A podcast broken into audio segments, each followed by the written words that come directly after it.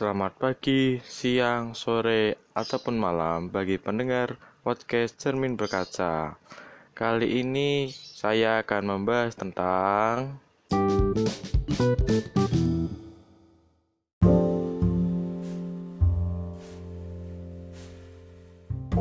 Saya akan membahas tentang minimalis part 3 yang judul babnya mindfulness seni mensyukuri napas. Dengan empat subbab.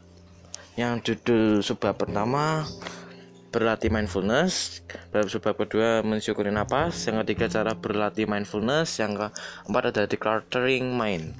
Oke langsung yang pertama. Oh, ini uh, yang masih babnya mindfulness seni mensyukuri napas. Masuk. Dalam sebuah pekerjaan lapangan beberapa bulan yang lalu di Surabaya saya hampir saja bertengkar dengan salah satu pekerja dari tim klien. Semenjak awal memang salah satu orang ia sudah belagu kayaknya. Ketika ada masalah tidak memberikan solusi, malah mencari kambing hitam, menyebalkan. Sepemahaman saya ketika bekerja di lapangan mencari solusi atas permasalahan yang terjadi lebih utama daripada mencari kambing hitam atas permasalahan itu. Mengingat tensi pekerjaan di lapangan jauh berbeda dengan tensi pekerjaan di kantor, maka potensi terjadinya ketegangan antar individu juga meningkat. Selepas mengambil air wudhu untuk sholat asar, saya kembali ke ruangan di mana produk elektronika yang sedang saya kerjakan berada.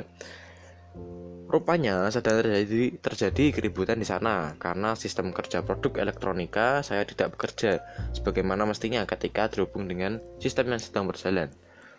Singkat cerita, salah seorang yang belagu dari tim klien ini berbicara dengan nada tinggi atas malfungsi sistem yang sedang terjadi. Saya pun awalnya kalem saja, akhirnya terpancing emosi dengan ikut berbicara dengan nada tinggi. Rasanya ingin sekali saya melayangkan tonjokan ke mukanya. Ketika tensi semakin meninggi antara saya dengannya, tiba-tiba saja saya teringat untuk menarik napas dalam-dalam dan seketika itu pula tensi emosi yang saya rasakan mereda. Tak, la tak lagi ingin menunjuk muka orang yang sedang berada di depan saya saat itu. Kemudian saya juga mengingatkan lawan bicara saya yang belagu itu untuk menarik napas dalam-dalam. Ketika tensi agak mereda, permasalahan yang sedang terjadi menjadi jelas di mana letak akar permasalahannya. Setelah jelas akar permasalahannya yang sedang terjadi, maka solusi untuk menyelesaikan masalah menjadi lebih terbuka. Tak lama setelah itu, saya utak-atik kembali peralatan elektronika yang mengalami malfungsi tersebut. Rupanya memang ada rangkaian yang perlu diadaptasi agar bisa tersambung dengan baik pada sistem yang sedang berjalan. Ah, setelah selesai mengerjakannya dalam waktu lebih kurang 15 menit, saya bisa sholat asar dengan damai. Mengingat sistem yang terkoneksi dengan produk elektronika saya sudah bisa berjalan sebagai mestinya. Dari kejadian ini saya mengambil dua pelajaran penting berkaitan dengan emosi. Pertama, panjang pendek sumbu emosi kemarahan kita ternyata bergantung pada panjang pendek tarikan napas yang kita lakukan. Ketika marah, ritme pernapasan yang terjadi cenderung menjadi pendek-pendek. Maka, ketika dengan sengaja menarik napas panjang, malah dirasakan sedikit mereda. Coba perhatikan ketika kamu sedang menangis. Isa-isakan tangis itu memiliki ritme napas yang pendek. Dengan kata lain, menarik napas panjang merupakan sebuah rem ketika emosi sedang menjadi kalut di pikiran dan hati kita. Pelajaran kedua adalah mengenai ketenangan pikiran. Ketika sedang marah atau emosi memecah, pikiran kita cenderung menjadi keruh. Kerasionalan untuk bertindak pun menjadi pudar. Maka menarik nafas panjang selain berfungsi sebagai rem terhadap emosi, juga berguna untuk membantu pikiran menjadi lebih jernih. Ketika pikiran berangsur menjadi jernih, sering kali solusi datang dengan sendirinya atas permasalahan yang sedang terjadi. Solusi atas suatu masalah sering kali diburamkan oleh keruhnya pikiran yang terbawa oleh emosi. Ya, itu itu yang uh, judul judul bab yang mindfulness seni menyusuri nafas sampai udah habis lanjut yang sebabnya berlatih mindfulness Dari pengalaman selama dua pekan kerja lapangan di Surabaya itu, saya menyadari bahwa emosi saya masih belum stabil. Saya masih memerlukan latihan untuk mengendalikan emosi. Dari kejadian menarik napas dalam-dalam untuk emosi itu, saya mulai bertekad untuk lebih serius berarti mindfulness yang selama ini sudah cukup akrab saya kenal secara teori. Ternyata mengenal teori saja tidaklah cukup. Ketika harus berhadapan dengan kasus nyata di lapangan. Maka semenjak menyelesaikan tugas kerja lapangan di Surabaya, saya mulai berlatih mindfulness. Saya ingin menjadikan uh, latihan mindfulness sebagai suatu habit. Tujuan utama yang ingin saya raih dalam berarti mindfulness adalah kemampuan untuk lebih mengendalikan diri. Kemampuan untuk bisa lebih berpikir jernih ketika sedang berada dalam kondisi genting. Dari tujuan akan manfaat yang ingin saya capai dengan berarti mindfulness, seperti yang sudah saya sebutkan. Sebenarnya ada beberapa yang bisa diraih dengan berlatih mindfulness. Berdasarkan penuturan dari Aji Silarus atau Mas Aji dalam buku Sadar Penuh Hadir Utuh bahwa mindfulness mengajarkan untuk melihat realitas seperti adanya dengan mengenali gerak pikiran, bagaimana runutan emosi keluar dan kemudian hilang, juga mengatur bagaimana sisi rasional ditempatkan. Dengan berlatih mindfulness, maka pola pikir akan akan terbentuk untuk melihat realitas dengan sebagai fakta tanpa penilaian dan menyadari bahwa setiap realitas pasti akan habis, lenyap, atau rusak.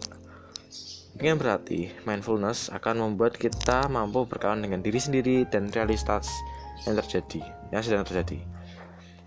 Berarti mindfulness juga akan membuat kita lebih menerima apa yang sedang terjadi, khususnya terhadap hal-hal yang umumnya tidak kita sukai seperti sakit, ditinggal kekasih, keinginan tidak terkabul, dan sebagainya.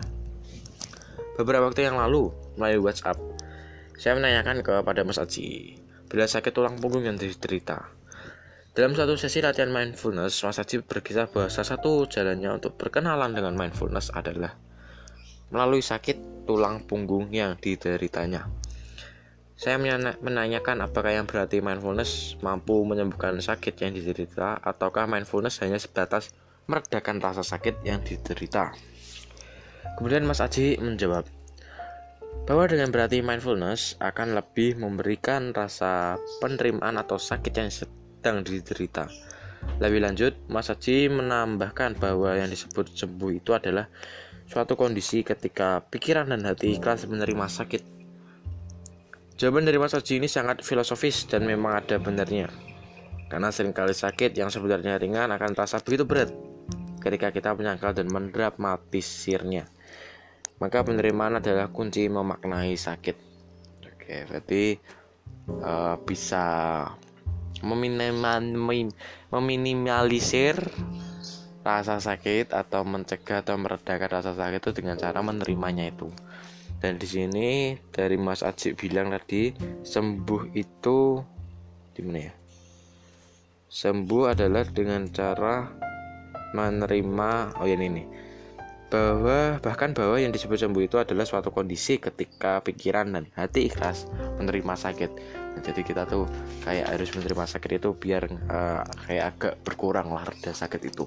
Oke lanjut. Sebab yang kedua yang mensyukuri napas. Secara sederhana, berarti mindfulness adalah berarti mengamati pergerakan pikiran dengan cara memfokuskan diri pada aliran nafas. Dengan kata lain, mindfulness adalah seni untuk mengelola pikiran. Ada banyak manfaat yang bisa diambil dari latihan mindfulness.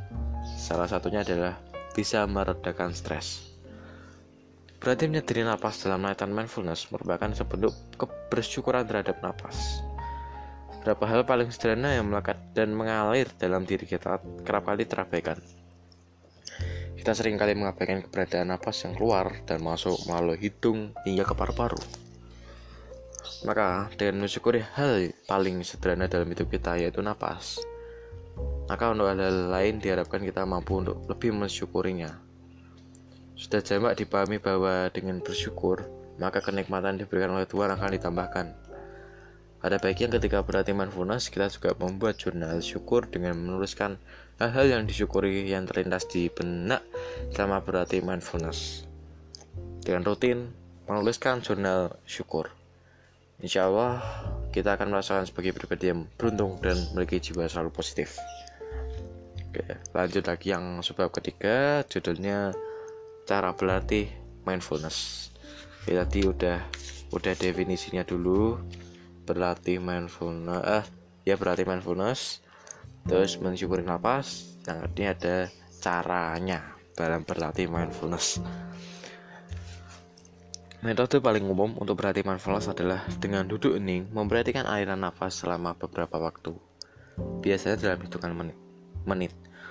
Fokuskan pikiran kepada aliran keluar, aliran uh, aliran uh, maaf, ulangi. Fokuskan pikiran kepada aliran keluar masuknya nafas ke dalam rongga pernapasan tubuh. Rasakan sensasi aliran nafas pada setiap inci saluran pernapasan, dari hidung, tenggorokan hingga menuju paru-paru. Untuk urusan durasi, maka luangkan saja waktu 5 sampai 10 menit untuk berlatih mindfulness. Bisa dikerjakan pagi ataupun malam menjelang tidur atau kapan pun kamu merasakan waktu yang cocok untuk berlatih mindfulness. Duduk diam dalam hening, menyadari pikiran yang datang dan pergi. Sadari segala yang terjadi di sekitar kita seperti suara burung, suatu kendaraan, suara kendaraan yang lewat, bunyi notifikasi telepon seluler, dan sebagainya. Tak perlu mengkhawatirkan masa depan yang belum terjadi.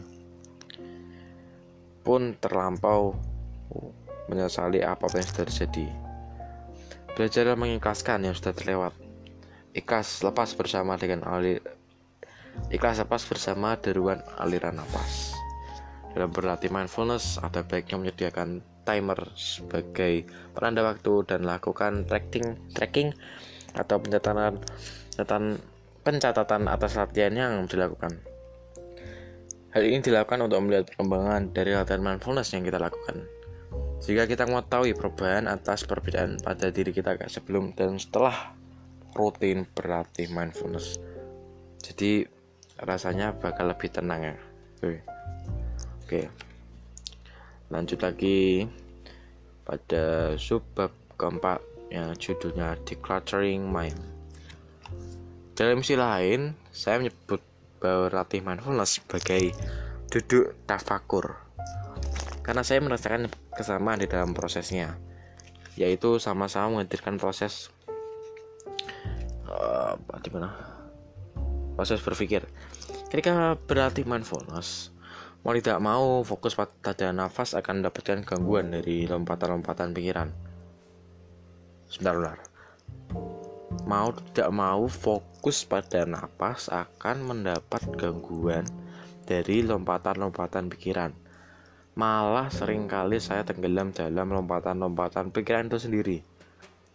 Monkey mind adalah istilah lain untuk pikiran yang suka melompat-lompat ini.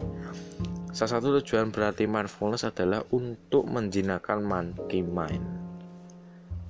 Untuk menjinakkan monkey mind, maka diperlukan kesadaran untuk mengamati pikiran-pikiran yang sedang terlintas. Dengan kata lain, menyadari bahwa kita sedang berpikir merupakan proses untuk menjinakkan monkey mind. Lantas, apakah monkey mind ini adalah sesuatu hal yang buruk sehingga perlu dijinakan? Hmm, dari pengalaman sama ini, Monkey Man bukanlah sesuatu yang buruk. Hanya saja keberadaannya perlu di, sedikit ditertibkan. Monkey Man mudah sekali terdistraksi oleh satu dan lain hal. Maka kehadiran Monkey Man yang tidak disadari dan mengganggu ketika rasa saya membutuhkan fokus dalam suatu kerjaan. Maka dalam kondisi ini Monkey Man adalah suatu hal yang buruk. Namun, pada lain kesempatan Monkey Man sangat bermanfaat Contohnya ketika sedang membutuhkan ide-ide kreatif. Maka hal yang saya lakukan adalah membebaskan monkey mind untuk berkayal. Bahkan, dengan berlatih mindfulness, monkey mind ini bisa dioptimalkan. Dan dari menyadari keberadaan monkey mind, saya kerap mengajukan pertanyaan-pertanyaan nakal. Jawaban yang saya dapat kadang di luar perkiraan. Perkiraan mana ya? Maka proses menjinakkan monkey mind inilah yang saya sebut dengan decluttering mind yaitu sebuah proses untuk memfilter antara pikiran yang penting dan tidak penting antara pikiran yang penting untuk diwujudkan dalam tindakan dengan pikiran yang kurang penting untuk diwujudkan. Benar, antara pikiran yang penting untuk diwujudkan dalam tindakan dengan pikiran yang kurang penting untuk diwujudkan. Memilah dan memilih hal-hal yang ingin dilakukan berawal dari pikiran berkaitan dengan gaya hidup minimalis. Maka mindfulness memiliki kaitannya kaitan yang begitu erat di mana saya merasakan berarti mindfulness adalah salah satu fondasi terpenting untuk menjalani gaya hidup minimalis secara konsisten. Bagaimanapun untuk menjalani gaya hidup minimalis diawali dari pikirannya sehingga berubah menjadi kemauan. Pikiran dan kemauan pun saya rasa tidak cukup jika tidak ditunjang dengan konsistensi dalam mempraktikannya. Menyederhanakan pikiran yaitu dengan mengesampingkan pikiran-pikiran yang tidak penting. Pikiran-pikiran yang tidak penting ini bisa berasal dari berbagai sumber di luar diri, seperti tayangan televisi, berita di internet, iklan di YouTube, gosip yang dihembuskan teman, majalah, dan sebagainya. Informasi-informasi itu akan menumpuk dalam pikiran kita, sehingga sering kali mengaburkan pemikiran kita untuk melakukan hal-hal yang besar, eh, yang benar-benar penting. Jadi, udah mulai gaya hidup Minimalis sebaiknya dimulai dari menyederhanakan pikiran yang ada di tempurung kepala kita. Oke, berarti ini bab yang ini memang sudah selesai dari subbab itu nggak kerasa ya memang, memang aku bacain oke ininya intinya itu kita harus berlatih mindfulness dengan cara tadi. Itu kita menyampaikan waktu 5 sampai 10 menit atau 5 sampai 15 menit. Terserah mau pagi atau malam malam itu sebelum tidur pagi setelah bangun tidur aja langsung kita fokus dan hening. Kita rasakan nafas yang keluar dan masuk dari hidung tenggorokan lalu ke paru-paru. Nah dan itu dalam melakukan itu terkadang muncul tadi monkey mind. Nah monkey mind bisa dalam mindfulness itu uh, hal yang buruk. Tapi saat dalam menciptakan ide atau kreatif itu menjadi hal yang sangat bermanfaat. Nah untuk menertibkan monkey mind itu dibutuhkan decarating mind. Guiding mind itu memisahkan antara yang penting dan tidak. Oke okay. intinya itu. Dan ini di akhir babnya ada quotes dari Eckhart Tolle eh Eckhart Tolle Tolle gitu tulisannya Tolle Tolle in today's rush with all think too much sit too much want too much and forget about the joy of just being ya itu artinya diajarin sendiri oke. Okay. oke okay, seperti biasa. Seperti biasa ya. Uh, bagi kalian yang mau ngobrol bareng di podcast sambil berkaca silakan kalian klik link yang aku taruh di deskripsi ya deskripsi podcast ya. Bukan deskripsi episode ini deskripsi podcast ya. Terus kalian WA aku nanti mau kapan terus mau kapan terus um, bahasnya kan tadi ini sesuai uh, topiknya yang di cermin berkaca. Bisnis teknologi review berita dan makanan atau kuliner oke seperti biasa terima kasih